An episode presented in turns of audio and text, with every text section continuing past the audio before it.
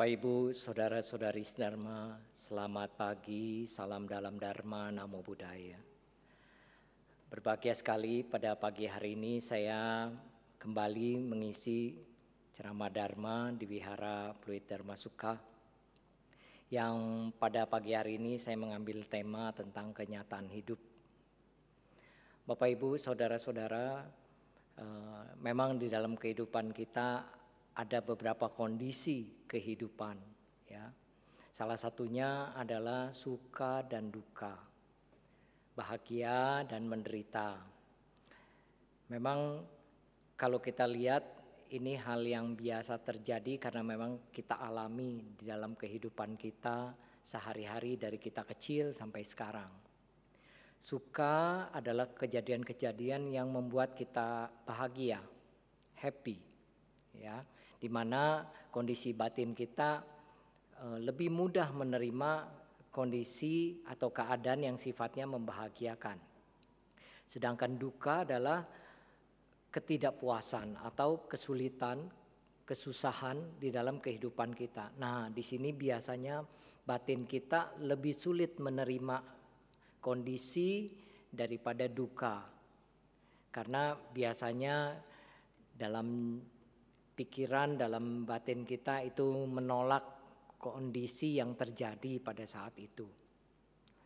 Saudara-saudara, ibu bapak sedharma, memang suka dan duka ini selalu datang silih berganti. Contoh, eh, pada saat kita menderita, kita setelah penderitaan selesai, maka kita akan mengalami perasaan senang. Konkretnya, contohnya misalnya kita sakit. Pada saat kita sakit, kita mengalami hal yang tidak enak, ya, suatu e, kesusahan atau kesedihan. Tetapi begitu penyakit ini bisa disembuhkan, maka kesedihan yang lalu itu bisa hilang dengan kondisi perasaan senang atau bahagia suka tersebut. Ya. Kemudian contoh lain, seorang ibu pada saat melahirkan anaknya itu luar biasa penderitaannya. Ya. Tetapi begitu anaknya lahir ya, hanya dalam beberapa menit saja penderitaan yang dia alami sebelumnya pada saat sebelum anaknya lahir itu bisa dia lupakan, dia bisa hilang dan timbul rasa kebahagiaan. Nah, inilah e, kenyataan hidup Ibu Bapak Saudara-saudara bahwa antara menderita, bahagia, bahagia kemudian menderita itu hanya bisa berlangsung sekejap.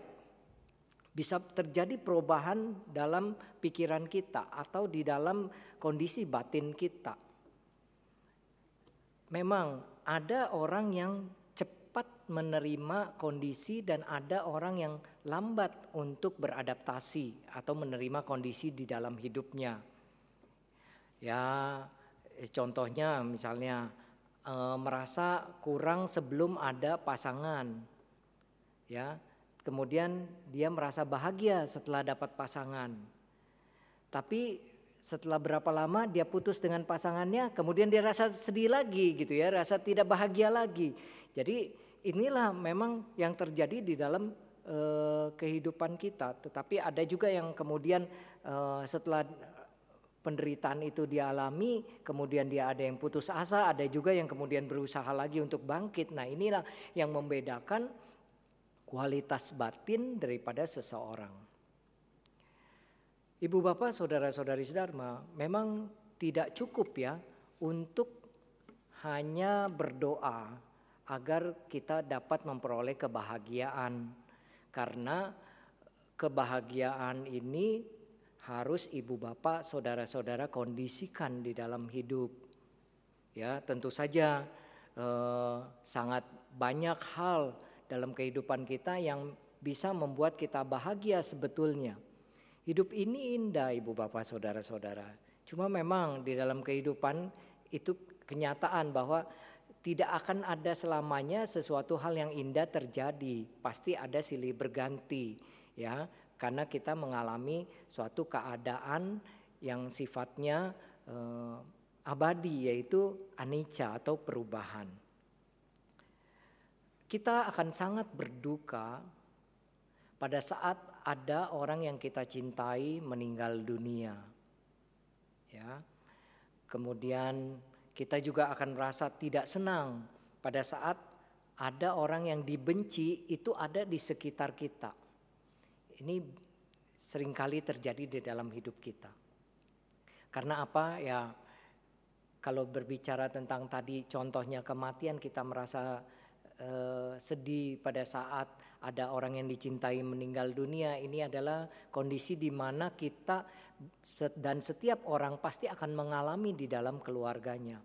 Oleh karena itu saudara-saudara kalau kita mengetahui tentang hukum kesunyataan ini bahwa suatu saat kita akan ditinggal oleh orang yang kita cintai, maka kita harus mempersiapkan mental kita, batin kita bahwa kita tahu bahwa suatu saat kita akan berpisah dengan dia, sesuatu saat kita akan e, tidak hidup bersama lagi dengan orang yang kita cintai. Nah, ini kita mempersiapkan mental kita, batin kita sehingga pada saat terjadi kondisi e, kita ditinggal, meninggal dunia, maka batin kita itu hanya tergoncang singkat waktunya karena kita sudah mempersiapkan mental kita. Kita menyadari bahwa wah inilah realita kehidupan, ya realistis kita hidup. Nah inilah sehingga uh, kita bisa melanjutkan kehidupan yang lebih baik setelah itu. Tadi kalau ada orang yang kita tidak suka, kita benci, kemudian ada di sekitar kita timbul rasa tidak senang.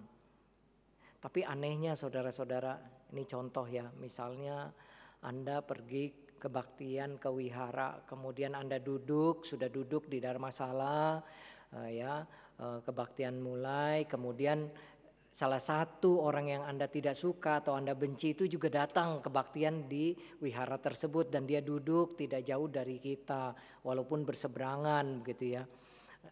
Pada saat sebelum dia datang, apa yang terjadi dalam kondisi batin kita atau pikiran kita? Kita biasanya tenang-tenang saja enjoy kebaktiannya. Tapi begitu kita melihat ada orang yang kita benci atau ada orang yang kita tidak sukai kemudian datang dan kebaktian duduk ya tidak jauh dari kita. Apa yang terjadi Ibu Bapak Saudara-saudara? Bahkan pada saat kebaktian pun pikiran kita pun bisa berubah. Yang tadinya baik menjadi jadi tidak baik. Itu pada saat kebaktian ibu bapak saudara-saudara. Jadi kita bisa bayangkan kalau kita ketemu dia di pasar atau di tempat yang lain gitu ya. ya. Pada saat kondisi kebaktian saja yang seharusnya kondisi mental atau batin kita ini bagus gitu ya. Itu bisa berubah. Nah bapak ibu saudara-saudara kalau memang tidak suka biasanya kan ya sudah tidak perlu dilihat atau tidak perlu diperhatikan ya atau tidak perlu digubris lah begitu ya.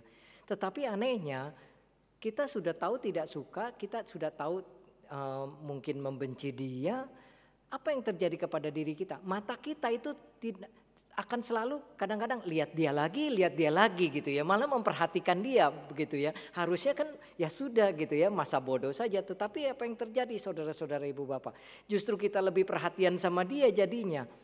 Ya, nah inilah keanehan kita di dalam kondisi kehidupan atau kenyataan hidup. Kadang-kadang diri kita sendirilah yang mengkondisikan hidup kita ini tidak bahagia.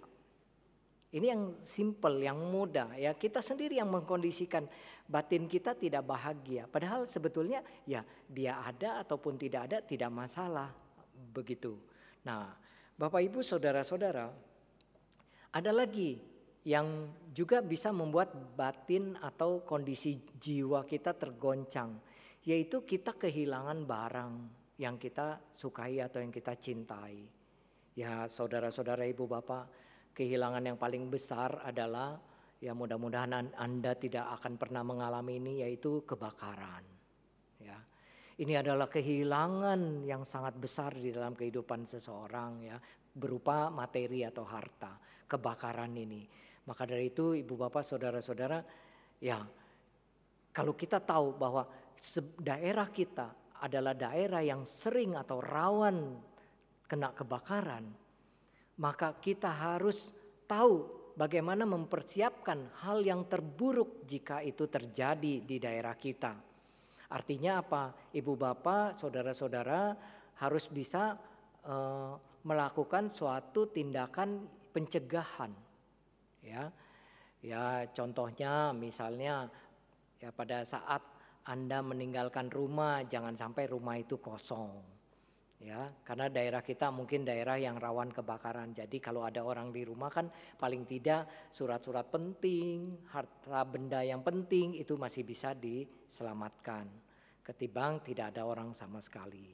Atau ya eh, daerah kita yang memang karena sering terjadi kebakaran maka kita jangan mengkondisikan juga rumah kita lebih mudah terbakar seperti Anda sering menyambung-nyambung kabel atau stop kontak Anda dari stop kontak disambung lagi dengan stop kontak disambung lagi. Nah, ini juga membahayakan ya.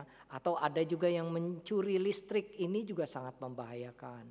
Nah, inilah jadi paling tidak kita tidak mengkondisikan suatu duka itu terjadi.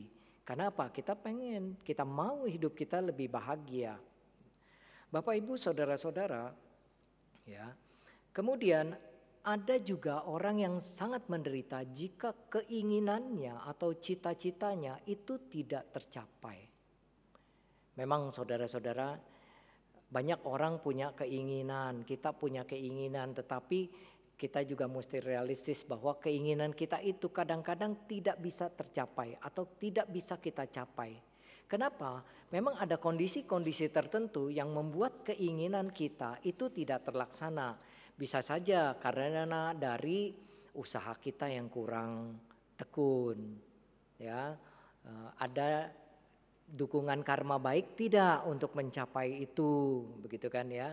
Eh, tetapi paling penting adalah usahanya, apakah sudah cukup usahanya, strateginya apakah sudah benar gitu ya. Kemudian ada dukungan karma baik sehingga apa yang kita inginkan itu bisa terlaksana. Dan biasanya Bapak Ibu saudara-saudara, mengapa ada orang sering kali punya punya keinginan tetapi dia merasa sulit sekali bisa tercapai keinginan-keinginannya. Bahkan e, sering kali terjadi dia tidak pernah bisa mencapai keinginannya. Nah, ini biasanya karena kita memiliki ya sifat loba yang kuat di dalam diri kita atau sifat keserakahan di dalam diri kita.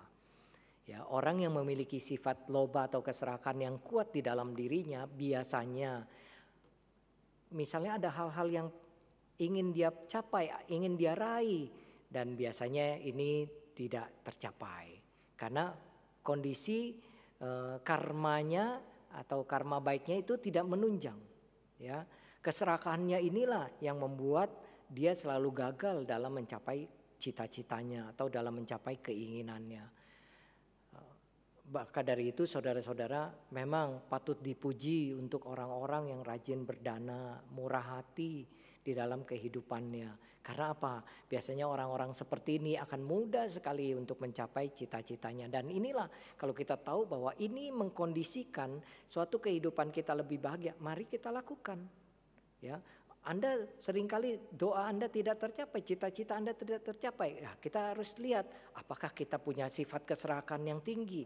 Oleh karena itu, mari kita kondisikan bagaimana bisa tercapai. Tadi usaha yang kuat, kondisi karma baik yang mendukung, kemudian juga kita mengurangi keserakahan itu dengan berdana, dengan melakukan perbuatan baik. Bapak Ibu, saudara-saudari sedharma, di dalam Dhammapada ayat 197 dan Dhammapada ayat 199 Buddha Gautama mengatakan sesungguhnya bahagia kita hidup tanpa membenci ya di antara orang-orang yang membenci di antara orang-orang yang membenci kita hidup tanpa membenci ini adalah satu kebahagiaan Artinya kita belajar bagaimana kita hidup bisa tidak membenci di antara orang-orang yang membenci, gitu ya.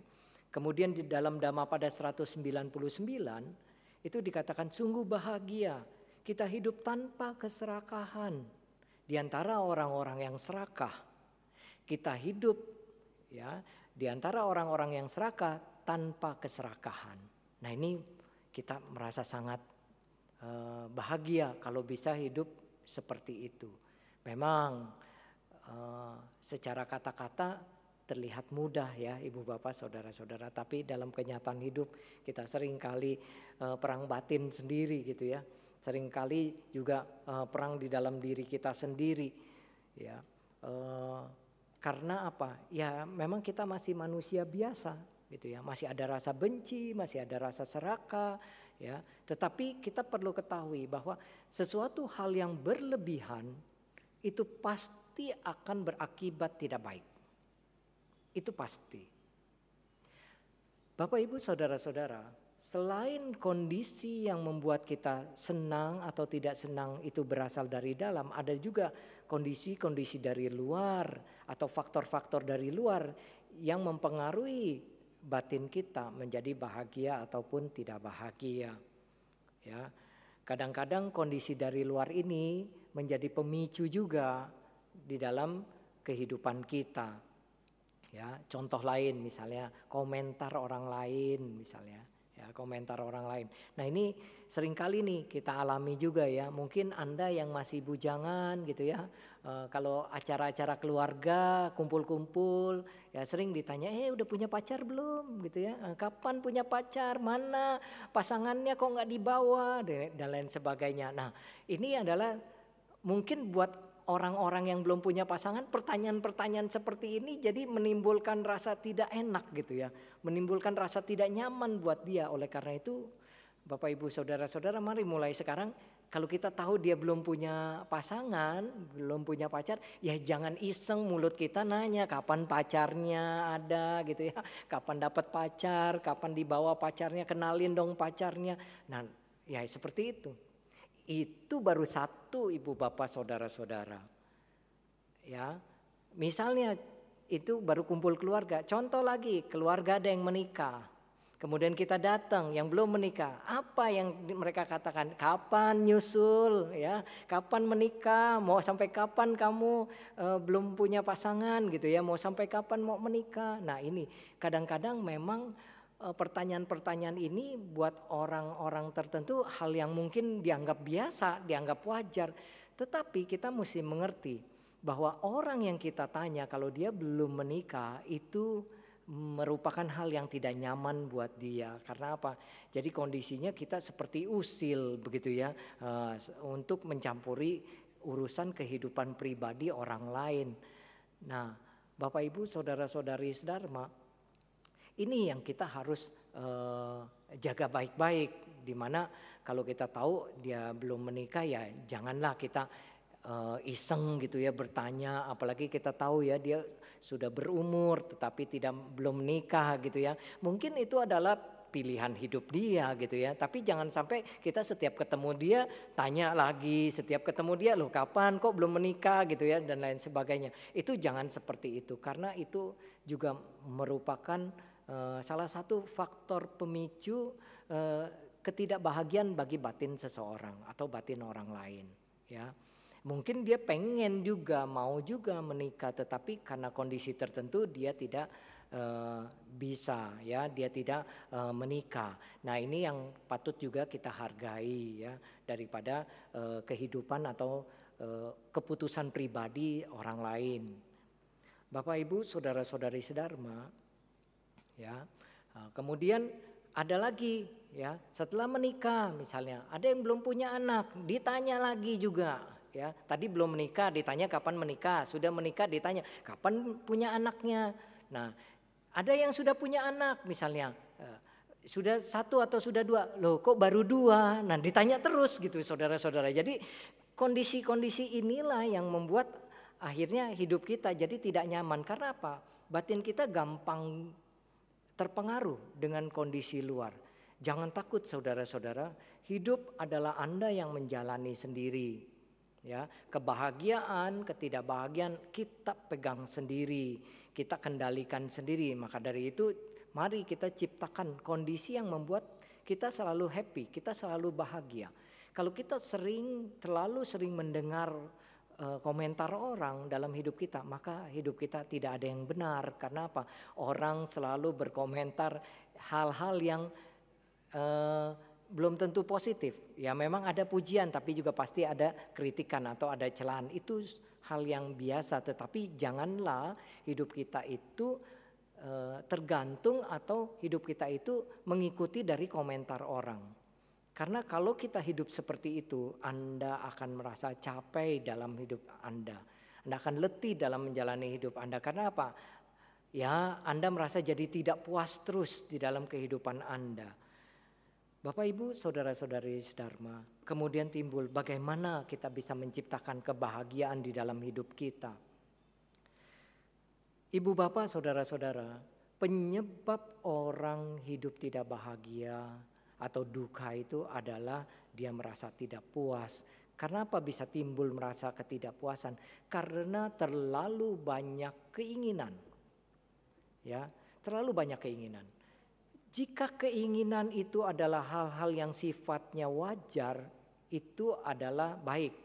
Tetapi keinginan-keinginan ini setiap manusia begitu mencapai satu keinginannya, kemudian timbul keinginan lain, itu selalu begitu, Ibu Bapak. Oleh karena itu, saudara-saudara, Ibu Bapak, dalam hidup kita, segala keinginan kita, kita harus lihat apakah keinginan kita ini bisa kita capai dengan kondisi kita. Kalau kondisi kita tidak mendukung tercapainya keinginan kita, maka keinginan kita itu harus kita turunkan grade-nya. Contoh, Anda ingin punya mobil, ya, Anda ingin punya mobil. Kalau setiap orang ditanya, oh mungkin setiap orang pengen punya mobil yang mewah ya, ya, pengen punya mobil yang mewah. Tetapi itu keinginan. Nah, tapi kemampuan Anda kurang maka Anda jangan menargetkan mobil yang mewah, Anda menargetkan mobil yang bisa Anda mampu beli.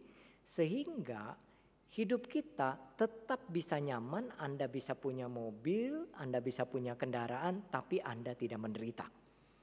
Tapi kalau kondisi keuangan tidak mendukung untuk membeli mobil mewah, kemudian Anda memaksakan membeli mobil mewah, walaupun dengan cara mencicil itu akan berakibat penderitaan buat Anda.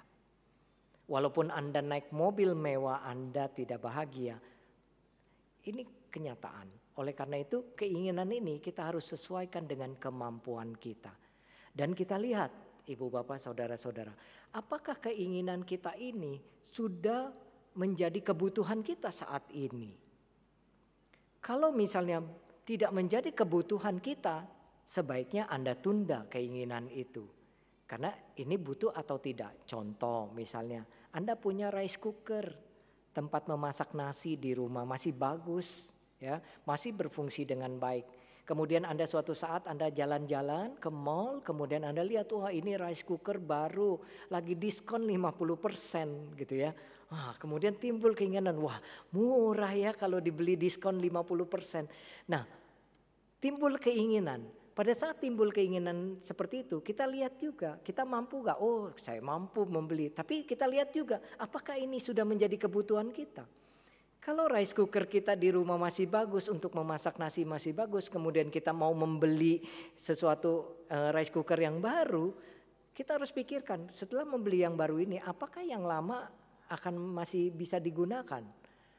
Begitu kan? Apakah nanti jangan-jangan yang baru kita simpen saja karena apa? Yang lama itu masih dipakai kita tunggu sampai yang lama rusak sehingga yang baru pun disimpan terus gitu. Nah, ini akhirnya Anda membeli sesuatu yang tidak berguna di dalam hidup Anda.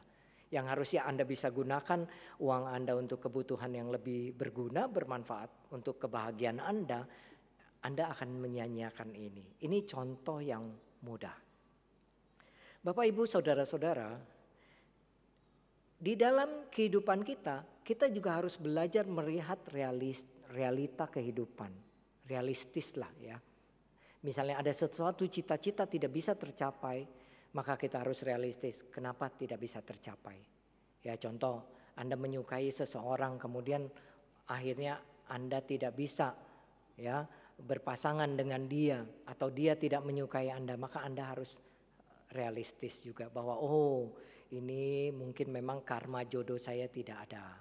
Nah ini Anda, anda harus realistis begitu ya. Nah, apalagi itu sudah punya orang gitu ya. Nah, itu jangan gitu ya. Walaupun Anda wah kan Romo yang penting usaha ya Romo ya gitu ya. Nah, seperti itu biarpun punya orang kalau jodoh nanti dia bisa menikah dengan kita. Lo salah itu gitu kalau yang seperti itu ya. Itu uh, bukan hal yang baik ya.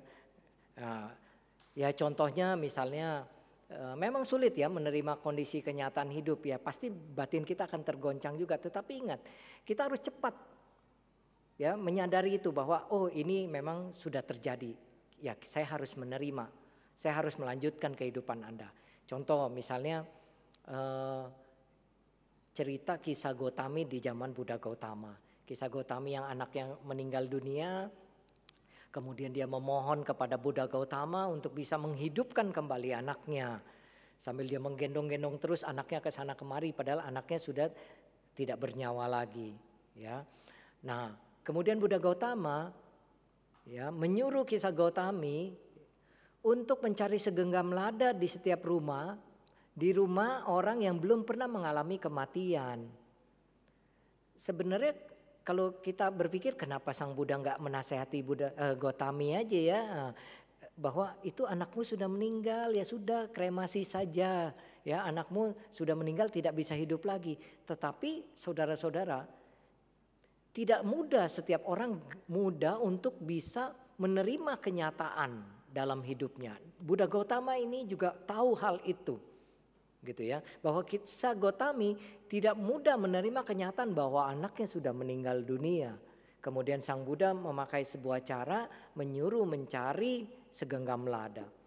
Alhasil kisah Gotami tidak bisa mendapatkan lada tersebut dan akhirnya dia menyadari ya dari rasa letihnya, rasa sedihnya dan rasa letihnya berkeliling uh, tempat, setiap rumah diketuk untuk meminta lada yang dari rumah yang tidak pernah ada kematian dan akhirnya dia menyadari bahwa setiap orang akan mengalami, setiap keluarga akan mengalami, dia akan mengalami kematian ditinggal oleh orang-orang yang dia cintai. Nah, setelah menyadari ini kemudian kisah Gotami barulah bisa dinasehati. Kemudian barulah kisah Gotami merelakan anaknya untuk dikremasi.